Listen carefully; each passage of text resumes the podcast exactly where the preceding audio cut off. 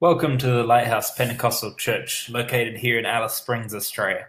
My name is Pastor Nate Gratian, and this morning is our third service for our March Forward conference. We've got guest speaker, missionary from Vanuatu, Peter Gratian, with us. And uh, this morning and tonight, he's going to talk on spiritual transfer and dimensions. We've had a wonderful conference together, and if you've missed any of the sessions, be sure to uh, catch up on them. And if you want to follow along with the PowerPoints, uh, you can find those PowerPoints over on our Facebook page, uh, Lighthouse Church, Alice Springs, and you can download the PowerPoints and follow along. There is a video in this morning's segment, so I would definitely suggest going over and grabbing the PowerPoints uh, to follow along with uh, with the video and this morning's lesson. But uh, I pray that this message touches you and that God speaks to you through this. God bless.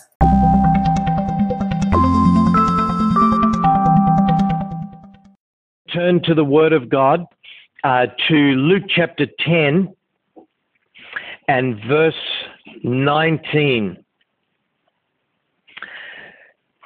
Building on the couple of introductory lessons without touching on them or going over them again, uh, on the uh, side of our spiritual existence, human spirituality, human being, uh, the just a précis almost of what is a in-depth subject, but when I was praying about this marching forward, looking forward to this year, uh, the things that if I just felt like this is what God gave me, and I'll present it and I'll give extra material uh, that can be looked at because uh, it's something that you can focus on and look forward to and bring into reality uh, in 2018 uh, because we really do live in a spiritual uh, world. Amen.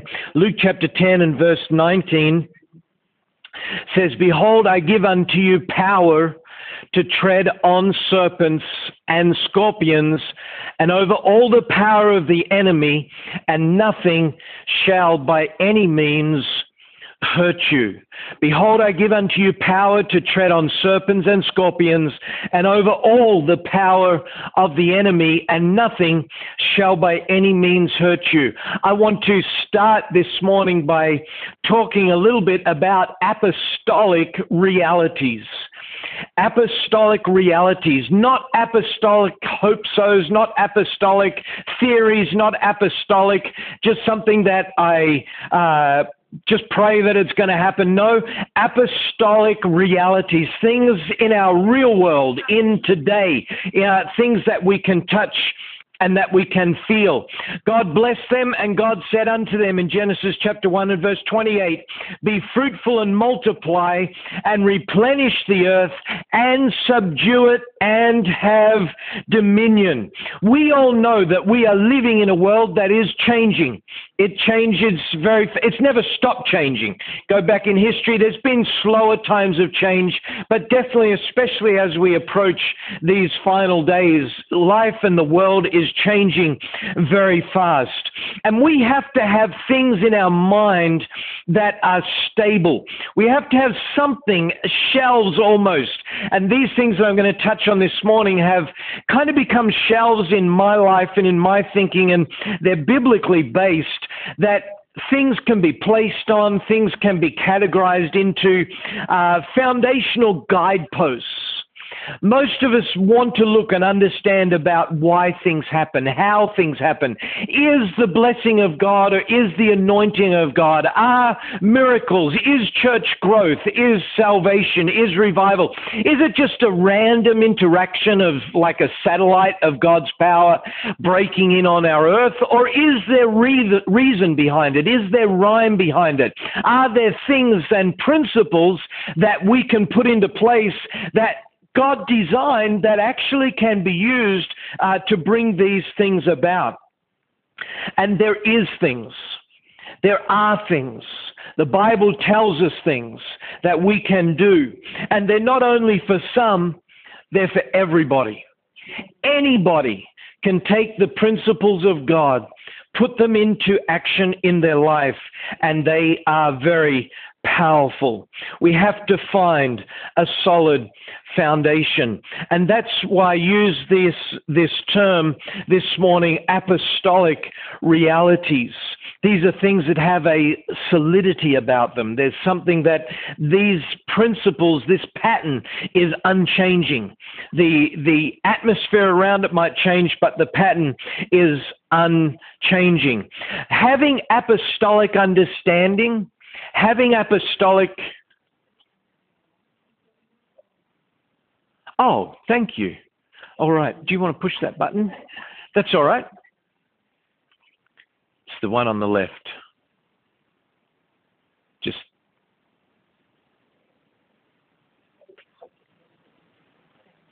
Okay, no, it's all. Let me put that on because it's. Thank you. This, the the uh, the reason is this gives us a chance to share with other people on more remote islands and stuff like that. I give them a copy. I give out thumb drives all the time uh, of different teaching and things uh, so that they can enjoy it in more remote areas uh, as well. Praise the Lord. And uh, not just me. Every we we record all sorts of Bible school teachers and everything in Vanuatu. Praise God. But having apostolic realities, uh, having apostolic doctrine, having apostolic understanding, having apostolic theory, and not actually activating it is it might as well not exist. There's no use saying God is powerful if we never see that power operate in our life. All that is is the same as potential. It's it's like you might have the potential to get an A in school. If all you get is a B, then you might as well have never had the potential to get an A because you never brought it into existence. And to say that God has the power to answer your prayer, God has the power to do a miracle, God has the power to meet your need, and then never actually bring that into reality, it might as well not exist. We, we know it's there, it's potential, it's floating around out there, uh, but it's no good as potential. There's no use singing about how great. And this morning I was blessed by how the songs focused on how great God really is because He is really great. And we can bring that power into our world and bring it into our lives and into our experience, and people will know that God is real. The things of God only operate in the present tense. There is no use coming to church saying, I expect that we are going to have a great time. The great time is not in five minutes. God has to operate right now, right in the present. Now, we might consider this whole service the present, say, yes, we're going to have a great service or God's going to do something. I'm coming with expectation, anticipation. But the truth is, uh, the things of God uh, work in the present. Today is the day of salvation. The Bible talks about it. Now is the acceptable time. Human being only exists right now. There's no use saying, I'm going to worship God when this service finishes and dropping dead of a heart attack before it happens. No, we got to do it right now. We've got to live it now. We've got to bring things into an active present in our life, not constantly uh, push them off or think, well, one day it's going to happen. We have to bring these things in. Jesus said to go and invite guests to the feasts. And he said, if they don't come in, go out to the highways and the byways and compel them to come in. Any church that practices the principles of God uh, and the principles in the Word of God can do the work of God. It's not for some elite group. It's not for some mysterious, just hoping that there's some kind of spiritual disturbance and, and somehow God's blessings fall on us. No, we have the power to bring it into uh, into existence. How do we take the power of God? How do we take what the Holy Spirit wants and bring it into our world? That's what this and tonight, uh, even more so, uh, we're following on into the higher dimensions tonight, uh, will be about. But we need to start with the dimensions that our world is in. And most of us look on our world as 3D and we three dimensional world and i'll touch on that in just a minute but the power there is a uh, dimension. There is a, a structure to this. Dimensions uh, is a word that we use, but really it's a we use dimensions, but another way of saying it would be uh, the structure of power or the structure that there is uh, to power, the dimensional structure. God said, I'm going to give you dominion. God said, I'm going to give you power and authority. We are not, you know, preachers get up and preach about it. You know, we're the, we're the head and not the tail. We're above and not below. We're, you know, in front and not behind kind of thing. But we as Christians have to actually understand how do we make that real? We're, we're not meant to be beaten up constantly by life. We're not meant to be beaten up constantly by trials and temptations and struggles. Yes, we live life. The rain falls on the just and the unjust. We go through struggles. We go through hard times.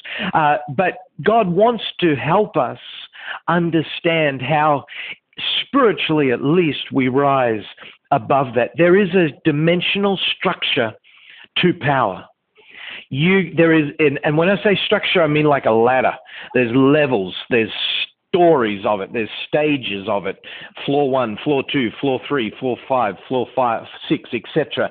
Of power. It's not just a mystery. It's not something that God has just uh, put on their Power to tread on serpents over all the power of the enemies. And yet there are Christians in the world today that have been Christians for years and have yet never taken power over even the smallest of serpents or the smallest of snakes, and they wonder why they constantly struggle with it. Uh, and so we need to rise above that. That's the desire. I can feel it in our worship today in our worship today, we were starting to touch and starting to reach into some of the higher dimensions. You go into churches that uh, maybe apostolic churches that have, are established and there's more people that understand dimensions and reach into that, you know, 100, 200, 300, 400 uh, people, uh, and, and you feel a different atmosphere. There's movement there's a flow, there's a spiritual atmosphere that is happening. And let me just say this these things, dimensions are amoral. In other words, they're not good or bad. You can go to a football game and find a crowd that reaches into a higher dimension sometimes than Christians reach in worship. Hello? How many times do we say that sometimes just as a casual comment? Boy, you know, let's not be outdone by those that go watch the football. Let's not be outdone. And, and what people are actually referring to, what preachers are actually saying is that there are crowds and there are situations and there are emotional and spiritual situations where the human spirit reaches into dimensions of hysteria, of mass hysteria, of all sorts of excitement that as Christians, we we should rule those dimensions. We're, we're, the boss of those because God created those. And so in our church, we, we look to reach beyond just sing a song, clap at. We're looking for that dimension where the Spirit of God can operate and move. And so these dimensions, this is not something that just applies to a church.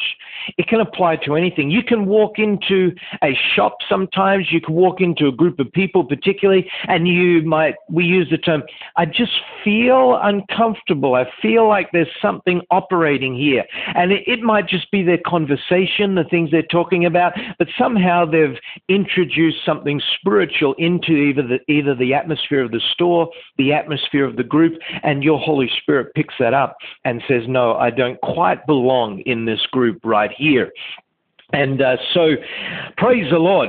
So, the dimension or the structure of power, God bless them. Spiritual dominion. Friends, if we've ever needed spiritual dominion, we need it today. The church needs to understand, needs to know this, needs to operate in this. Those that penetrate the furthest into this accrue the most power. All institutions, whether it's sporting, whether it's educational, go into the realm of dimensions or power to a certain extent. The further we go, the more power we get as a church, as a Christian, or even as an organization that doesn't believe in God. More than money, ideas are more powerful. I, the thought, the abstract is much more powerful than anything else. And the most powerful are the ones that rule. The most powerful are the ones that rule. And I am all in favor of the kingdom of God being the ruling dominion and the ruling power. Amen. We have to bring it in. We have to activate it. There's no use saying our God is King of all kings, and yet there's other ruling authorities and ruling powers and ruling kingdoms in our lives or in our environment. We need to bring him in as King of all kings. Amen. Hallelujah. And that is more than possible, more than possible. Think about King Solomon for a moment. In 1 Kings chapter 10, the Queen of Sheba traveled 1,200, approximately 1,200 miles on camel to see Solomon's kingdom. It wasn't, uh, you know, like some great revival. It was something that Solomon had built and I won't dwell on it now, but when she saw it, she said it was greater than what she had ever expected to see. Uh, her spirit went out of her, which probably meant she fainted right there on the spot when she saw the splendor of it. And she made a couple of observations that is a quite a good Bible study on the operating of a church uh, she said, The meat on your table is amazing. She said, The bearing of your servants, the way they behave themselves and, and how uh, acts is amazing. The steps that she went up to, the institute that Solomon built caused someone to ride a camel for 1,200 miles and basically expecting to see something great still fainted. Solomon was basically based in a Jerusalem, but there's a non biblical institute that was almost as great, that wasn't even Christian, and that was Athens. Athens was a fan, was was an incredible institute. Much of our world today, it wasn't God based at all but it was built on the structure of power. It was built on these levels. The greatest doctors, the greatest athletes, the greatest orators, the greatest philosophers, the greatest mathematicians all came out of Athens. And so when you follow the structure that God has put in place, that is designed for his church, we can reap great we can reach the place where God wants us to be as kings and priests in this earth. I'm not talking about some fanciful notion of trying to be some kind of demigod, no. But God can be glorified in the church. When we're constantly struggling, when we're constantly battling, when we're constantly doing those things, God does not become glorified. It's not a glory to God when Christians are struggling financially. God doesn't want us to. I know it's hard. Look, I've lived in third world countries for the last, mainly in third world countries for the last 30 years. And I'm not saying, and money is not equated to wealth. You can be the richest person on earth and live in a hut and have a happy family. Amen and I'm not going to get sidetracked and go down a rabbit path chasing some of those thoughts. But just because our Western society kind of rates success according to all sorts of uh, humanistic levels and measures, that's not true. You, happiness and wealth isn't necessarily material gain. Some of the saddest people can be very rich wealthy, a lot of money in the bank. Amen. Let's not get sidetracked on that. Praise God.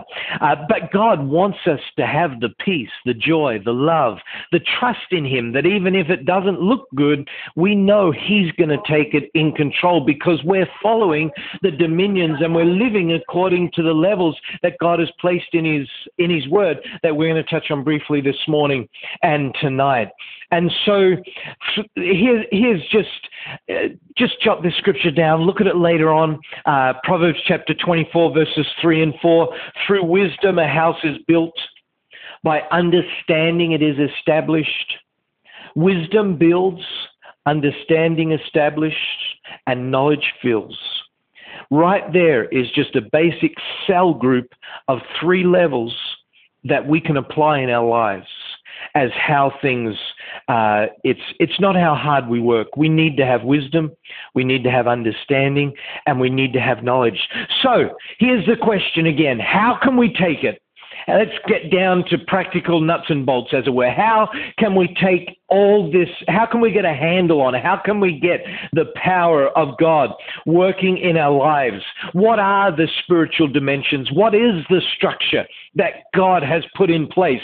Let's have a look at it. Let's start with uh, dimensions. Let's start uh, with dimension number one.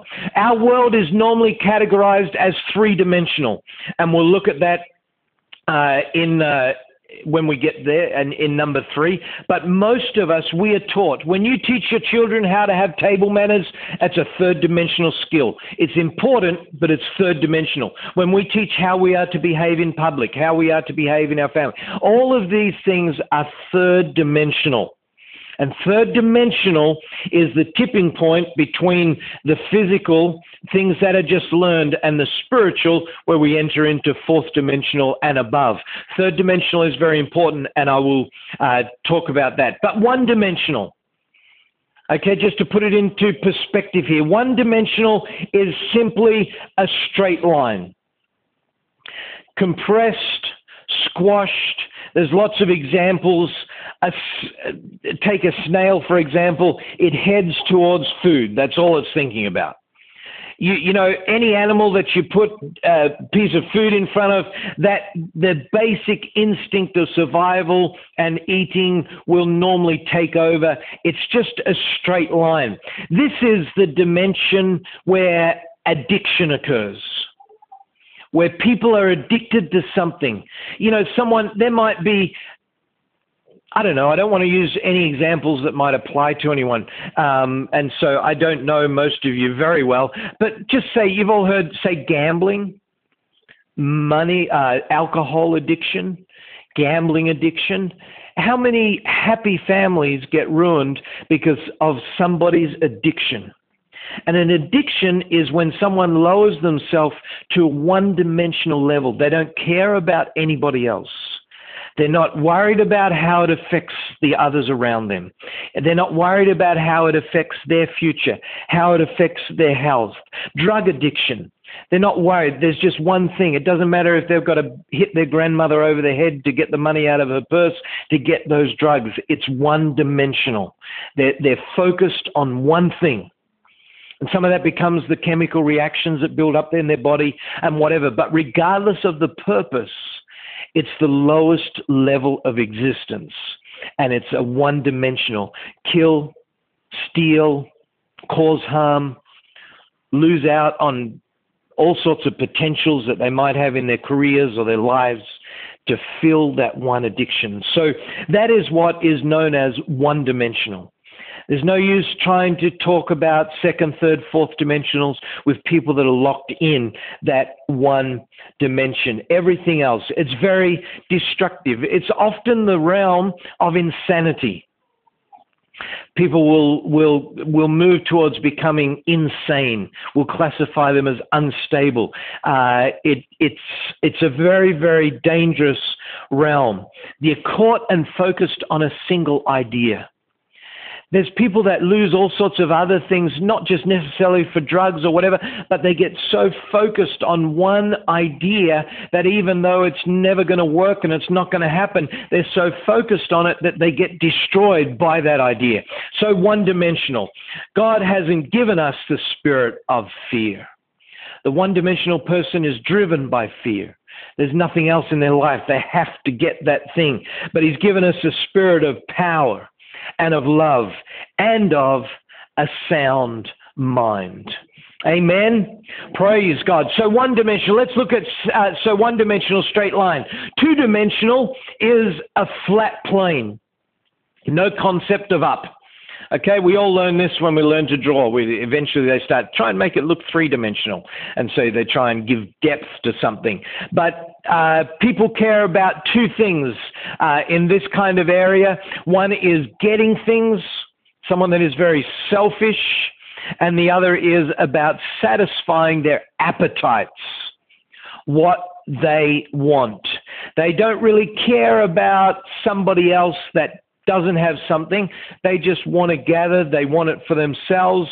Uh, they'll begin cheating people. They'll begin cheating in business. They'll, you know, begin trying to doesn't matter about the wider society if i can if i can make a buck here or if i can do it doesn't matter dishonesty becomes a part of their game they don't care about what it does to other people these are not good areas amen we all agree. I think we all understand that these are not these are not healthy areas. These are not good areas. And most of us that live in a third dimension understand that dimensions one and two are not that good. So straight line, flat plane, and then third dimension, which is flat plane plus height. It's often described as a box. You've all heard the term get out of the box. All right, that's where it comes from. The third dimensional existence is like a box. People can't see past the walls.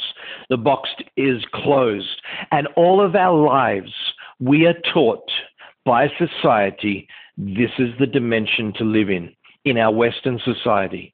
This is what we're taught. Now, other cultures will not always focus quite as strongly on the third dimension. They will not have good third dimensional skills, they'll have better fourth or fifth dimensional skills. But third dimensional skills are very uh, important. And so, uh, all of life, we've been taught that's where we need to live. We need to think about food, provision. We need to think about friends, we need to think about knowledge. These are the things that focus in the third dimension. This person fits in well. They fit in with their society. They know how to behave. They know how to dress. They know how to shake hands. They know how to get up in the morning, put on deodorant, put on, brush their teeth, live uh, good in their uh, in the in their third dimension, in their cube, if you like. They know how. They think about retirement. They're considerate of their friends. They're considerate of their families. Um, they like art. They understand religion. They understand civilization. Uh, they operate very comfortably. They work very well in this third dimension. But one of the problems is often there are, there are limitations to this dimension. And two of the chief limitations are number one, people in a third dimensional existence think of themselves as separate from everybody else. Everyone has their own box. And as long as you behave properly and you don't intrude into my space, we're all good. Okay? That's how, third, and that is one of the limitations of third dimension. I don't, I worry about my work, my family, you worry about yours. I'll think about you and I'll care about you, but really it's your concern, all right? I'll look after my problems, you look after your problems. If there's limited resources, I'll make sure I get what I need. The political works uh, world works on this. In the church, sometimes it's hard to get folk to think about the rest of the world. One of the reasons, and that's why this dimension doesn't actually fit in with a biblical paradigm a biblical dimension because God loves the whole world. Amen. We have to start thinking outside of that sometimes. It's actually, I worry about looking after me. I'm a unit within myself, but it is antithetical. It's against the belief system. It's against what the Bible teaches because we need to reach the whole world. Amen. Praise God if we have a Christian paradigm, if we look at outside the outside the box, we do care about what happens to people in other countries. We do care about reaching the world with this wonderful gospel. So being caught in this cube is self-destructive. It becomes self-preservation. I'm more worried about me, and uh, I'm going to stay in here. They're not bad things. You get someone, for example. Uh, that doesn't develop a good third dimension but gets into the fourth dimension, most of the time we call them a fruitcake. We think they're nutty. They don't, they don't know how to dress, wash, behave, but they're all up there in the arty world somewhere. They're all, you know, artistic people that have never developed good third dimensional habits, but might just have brilliance They don't know how to carry on a conversation with somebody in the street, but they've just got a brilliant mind. They're, they're in touch with art. They're in touch with music. You know, they sit down at three years old and begin to play Mozart and, and all of this kind of stuff. But if they don't develop, so third dimensional uh, living and third dimensional habits are not bad. Because if you don't develop good third dimensional behavior and you get into fourth and fifth and sixth and seventh dimensions, people will write you off because they can't relate to you if they're in the third dimension. And the good thing about even third dimensional church is okay in the sense that we can still help first dimensional and second dimensional people. Third dimensional church is church that has all the Bible studies about how to have a good marriage, all the Bible studies about men's groups, women's groups, youth groups, all they can study and study and study, but no Holy Ghost, no power, no anointing, no gifts of the Spirit, no miracles, but they've got all the Bible studies. That's a third dimensional church. And you'll find bookstores full of third dimensional material. You'll find things. And so it's important. We need to understand these skills. But the danger is if we get locked in there, if we stay just with good little studies and, and good Bible groups and understanding and those things we need to have, but inside of every one of those, there needs to be that reach to go beyond, beyond just understanding what, you know, what uh, a, a psychiatrist or a good Christian counselor can teach us. We need to learn those things. We need to have that knowledge. And, and I've spent many years studying those third dimensional things because we need to understand those, but we don't need to get just locked in there because we God designs and wants his church to move beyond that because the world is looking for more than just another Bible study. They're looking for more than just another theology. Praise God. If we can't get strong in the third dimension, we do become weirdos we do become unbalanced. The world writes us off. We become spiritual with no basic idea of life. Now, don't forget, dimensions are not good or bad, they are amoral. It simply is a state of reality. They can be used by the world, they can certainly be used by the devil, but they are designed to be used by the church. You and I are meant to, yes, be good citizens and be good third dimensional people, but we are designed to go way beyond that. And people are looking for an experience beyond that. People, are, when we begin, when, when we get into church and we begin to worship and we begin to feel after the power of the Holy Spirit, it, uh, we begin to reach beyond just that third dimension. And that's so important. We live in a world of reality. People out there are going to judge you first off many times by that third dimension. Becoming friends with people, knowing how to behave socially, knowing how to interact with our world. And this is where, but this, if we don't get that, we do become, we can become, people become known as weirdos Another weakness of the third dimension is that everybody in the third dimension knows, like we agreed earlier on, that one and two is bad. We know that addiction is bad, and we know that two dimensional selfish living is bad. And so the danger is, the problem is that we begin to believe that any dimension outside of the third is not normal even the ones above. This is where many Christians get locked in.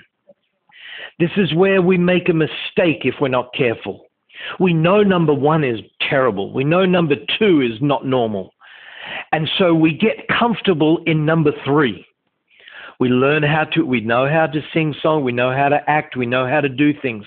But the problem is subconsciously sometimes because we know one and two is wrong, we also begin to think that the higher dimensions, there must be something wrong with those as well.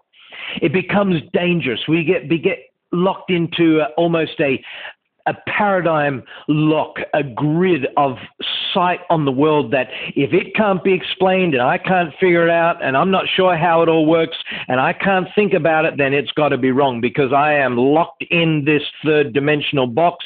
I'm here touch, feel, see, interact, behave. Everyone likes me. Everything's good. Everything. I know how to act in this area. And I know that addiction is wrong. I know all those lower levels are wrong. And so we begin to believe that the higher levels are wrong also. It brings about a fear. People are scared to step out of the box are scared to step into those higher uh, dimensions. Praise God. But let me tell you, God, God is not, he, you know, He said in His word, He said, if, you, if your son asks you for a piece of bread, are you going to give him a stone? If he asks for a fish, are you going to give him a snake? He said, If you, know, being evil, know how to give good gifts to your parents, how much more will your heavenly Father only give that which is good or give the Holy Spirit to those that ask? People, we, we, we as good parents don't give dangerous things to our children. Our, the safety catch on all of this is if that we are genuine and we are sincere and we say, God, I want to advance. I want to grow. I want to go to the next thing you have for me. You know what? God's not going to give us something evil. God's not going to give us something bad. He will protect us from those kind of things. And so that element, main characteristics of a third dimension man is his lack of ability to quantify the higher dimensions. You cannot figure it out. You cannot say this is how it works. This is how it all uh, adds up. This is how it happens. Items in the third dimension have a tremendous resistance to movement. They don't like to move. They don't like to change. They're stuck there. And it's like there's going to be resistance. Buildings are like that. They're strong, they're good, but they're designed to stay in the one place. The problem is if we live, people get stable in this third dimension, they begin to focus on it. And the only way to break that is to go into the fourth and fifth and we'll I'm not I'll touch on the fourth tonight. I'll I will start on that tonight. Fourth, fifth, sixth, seventh. We'll cover tonight. But the way to get out of the third is for us as a church and us as individuals, and many uh, we are, but us as individuals, we need to help move people out of the third by simply living in the fourth and in the fifth People that live in the fourth and the fifth, people that experience the fourth and the fifth, rarely ever even talk about the third. It's like they know the third, they understand the importance of it, but they're talking about the goodness of God. They're talking about the things that God does. They're talking about spiritual things the, the, the amazing way that God spoke to me out of his words. You know, you meet someone and they say, hey, you know what, when I was reading the Bible this morning, God's, you know what, you're not in a third dimensional element there. You're sharing something spiritual.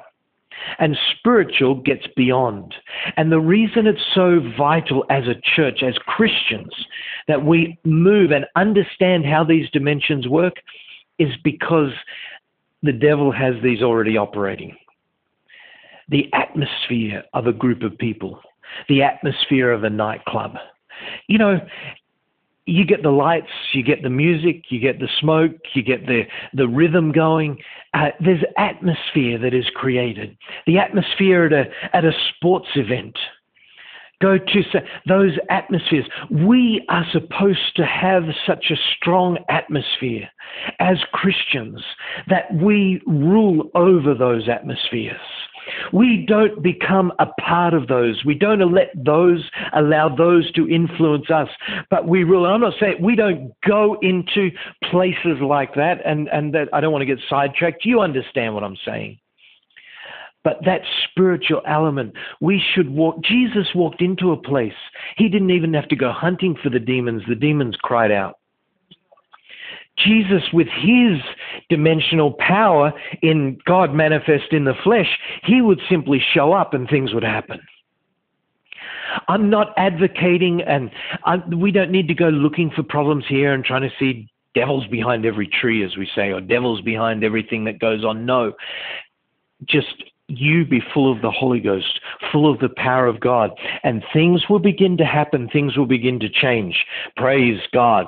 And so, uh, if you go there, people very, very rarely, when they reach beyond, and these are the realms that God has for us. We have to have it. We don't want bad practice. Excuse me. Jesus never organized a protest alcoholism was one of the biggest problems probably in Jesus' day because pure drinking water was very hard to find. But you never, Jesus never operated. When we protest, march the streets, wave banners, do all that, we're operating in a third dimensional. We're fighting a third dimensional problem with a third dimensional answer when we go, if we rally and, you know, people want to lead parades and do all sorts of things, that's a third dimensional answer to a third dimensional problem. And that's all good and fine. They're not evil within themselves. But you won't get your kids to live for God, for example, by battling a fourth dimensional problem with a third dimensional answer. The music of the world, the atmosphere of the world, the spirit of the world operates above third dimension the things that have powerful control over our children, over our youth, over anyone that allows them to have control over them, those things are not going to be the third dimensional civilized behavior. Those things are fourth dimensional. And if we don't, as Christians, live in a higher dimension than a third dimension, if we don't live in a fourth dimension and we don't battle those things with fourth dimensional answers, then we're never going to be able to deliver and help our children. If our children can get a bigger kick, and I don't know why I'm talking about children right now, but I guess I've got some. So, if, but if our kids, it's just an example, it applies to everywhere. If our kids get a bigger kick by going to the soccer, a bigger kick by going to the football, a bigger kick by going to the rock concert than they get by coming to church, then guess where they're going to go? When they're small, yeah, they do as they're told because there's results if they don't. But when they get bigger, they're going to go where they get that fourth dimensional experience because that is, and we'll, we'll, sort of start on that tonight a little bit, but that fourth dimensional experience is more powerful than a third. If we come to church and there is no move of the Holy Ghost and there is no anointing and there is, there is no praise and there is no moving of, of miracles or gifts of the Spirit and things aren't happening and we come to church and we're just all third dimensional and we have a wonderful Bible study and things are good and, and it's all, we just go about business as normal. Let me tell you, as soon as the kids get a chance, they're out there in that fourth dimension. They're looking for that ex- feeling. They're looking for that thing that gets their emotions going. They're out there. But you know what? As an apostolic church, we bring those re- things of God into reality. Our worship becomes spiritual. Our preaching becomes spiritual. Even our Bible studies become a spiritual element and they begin to affect those. And, you know, I do know one person that walked into a church one time and said, "Boy, your church is more exciting than a Rolling Stones concert," and uh, and that's the way it should be. Amen. Because you know what? It's anyway. We'll touch a little more on that tonight. Praise God. But it's important to reach beyond. We have to not just lock in that fourth, in that third dimensional dimension. Praise God.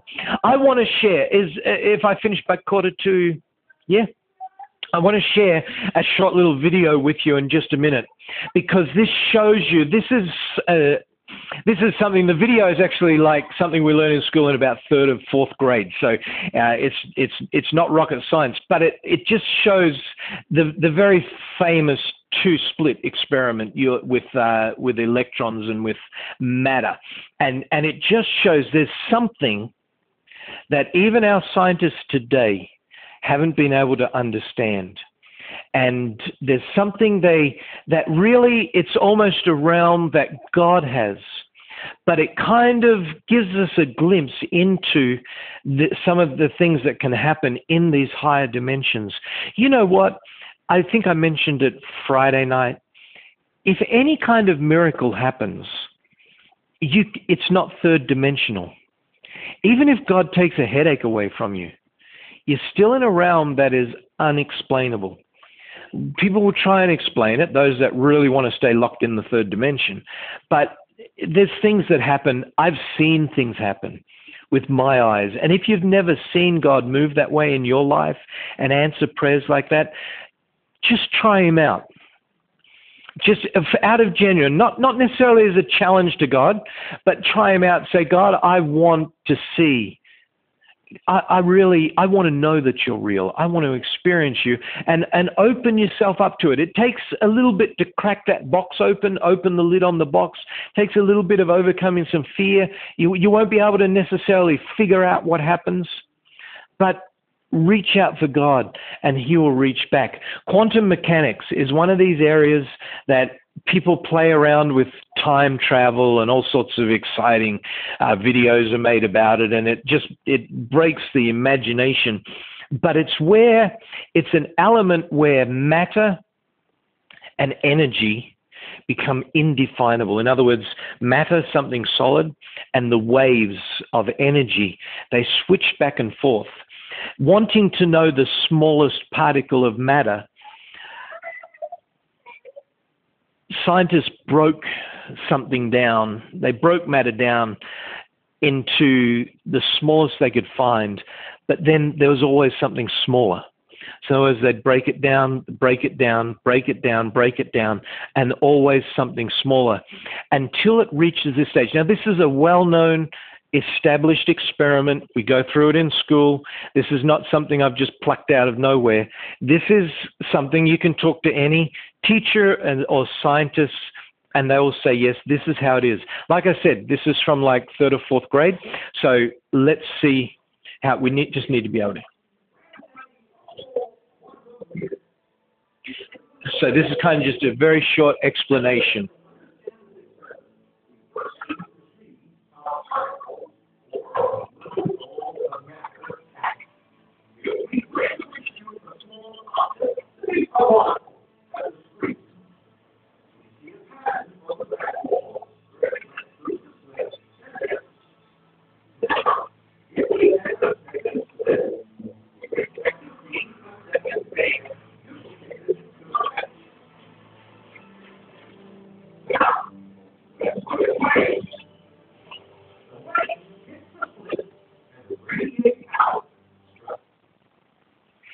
Oh, thank you. We've got a little helper up the front here. Actually, I might be able to fix it from here.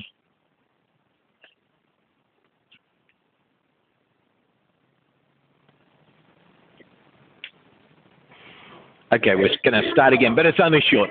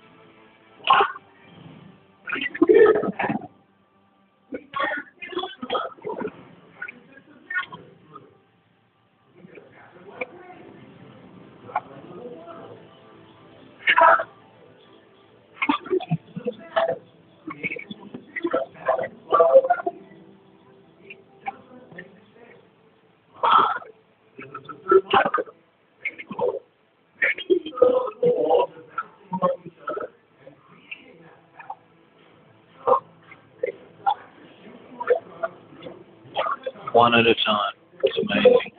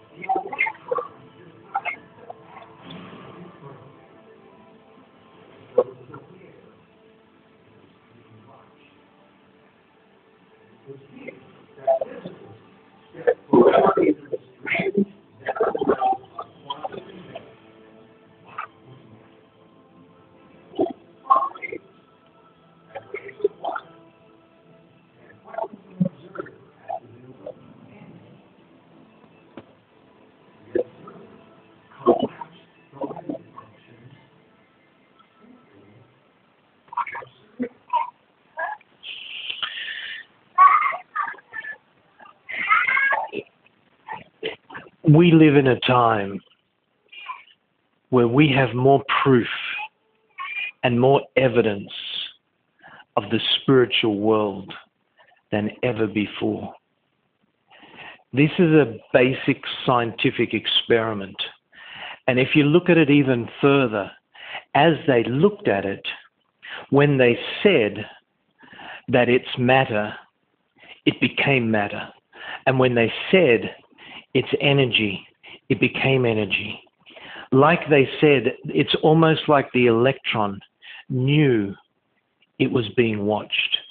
These people are not scientists, were not looking for religious answers. They were not somewhere doing some kind of strange trance, trying to find some kind of metaphysical behavior uh, and, and try and justify some kind of spiritual activity in our world today. They were just being scientists. They were trying to make sense of matter and what matter is made up of. And literally, they have come up with the greatest proof that there is a God out there. There is a spirit out there. There is a being out there. We are not just here by accident or by chance. And when we begin to read the Bible, understanding the power of some of this, we can talk about miracles and begin to understand that how you and I worship in a service is going to affect the outcome of that service how you and I pray is going to affect the outcome of the activities of our life. We can try and figure it all out, and you can stay in that box forever trying to figure it out, and, and you never will figure it out because even scientists say we can't figure it out. We've all heard about the quantum world, it's the great mystery. People try and look at time travel because of it, and all sorts of things uh, that people are looking at. We can talk about the power of speech. The power of speech is, is, is discussed in the Bible it's talked about in the Bible. And, and that's why it's so, even as Christians, sometimes we say things and we don't really realize what we're saying. But many times when we claim as our being a reality in ourselves, we've got to be careful because we're attributing that to God. I am frustrated. No, the I am is never frustrated. Hello? I'm not saying you can speak and create. We are not God. That's God's domain. And we need to be careful uh, not to overstep the lines. Like I said, this is not a kindergarten kind of subject because you, you don't want to go flying way out into weird land and lose yourself. All right, and and people do. You have to have a solid foundation uh, in the Word of God and understand where the boundaries are uh, in all of this and where we belong and where God belongs. But God, it, we we are affected. If we see a miracle, as I've said twice, we'll never figure it out. You've just got to accept God. He did that. But as you move into the fourth, fifth, sixth dimension, which are outlined in the Word of God, and, and you see it operating all through the Word of God, you've ever wondered why Balaam wasn't even, you know, I've read the story of Balaam. We all know that. And as I close, the story of Balaam and his donkey. You know, if a donkey talked to me, I'd be surprised. To Balaam, it was everyday activity. Maybe not every day, but there's many, many records of events and miraculous happenings like that that the prophets of old were not surprised by. I'm not saying that it's meant to happen today. I'm not talking about that kind of thing. But to me, when I look at the story of Balaam, it's like I wouldn't be talking back to that donkey. I'd probably have fainted or taken off running in the other direction. But Balaam carries on a conversation with a donkey, and then finally God opens his eyes. The same in Kings, where God opens the eyes of the servant, sees all the uh, the chariots of angels around them, and Elijah says, "God, my servant's panicking about this. Just open his eyes and let him see what I see."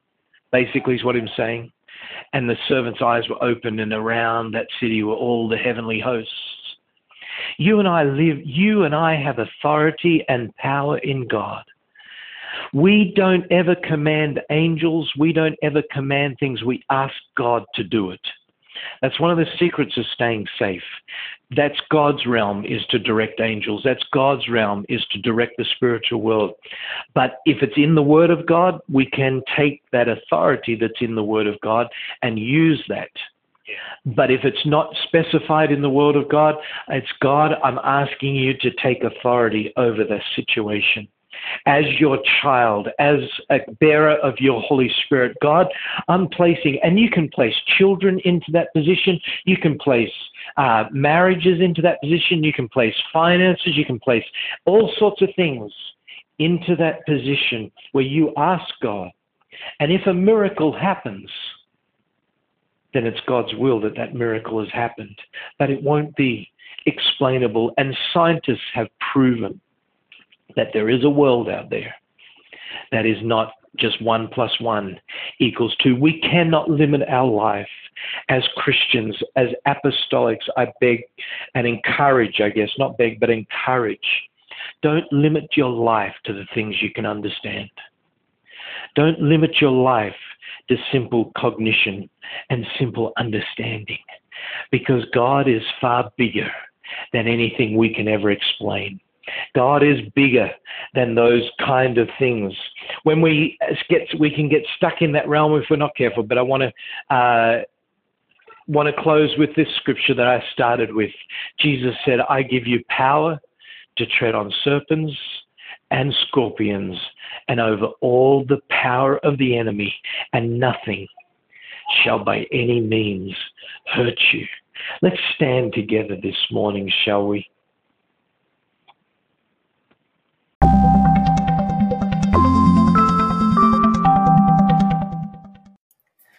Thank you for joining us this morning. Uh, don't forget to catch tonight's message uh, in the next episode of our podcast. Uh, you don't want to miss it. We're going to be going through dimensions uh, four, five, six, and seven uh, with missionary Peter Gratian from Vanuatu. It's been such a such a wonderful weekend uh, here at the Lighthouse Pentecostal Church. Thanks again for joining us. I pray you have a, a blessed day. Take care. God bless.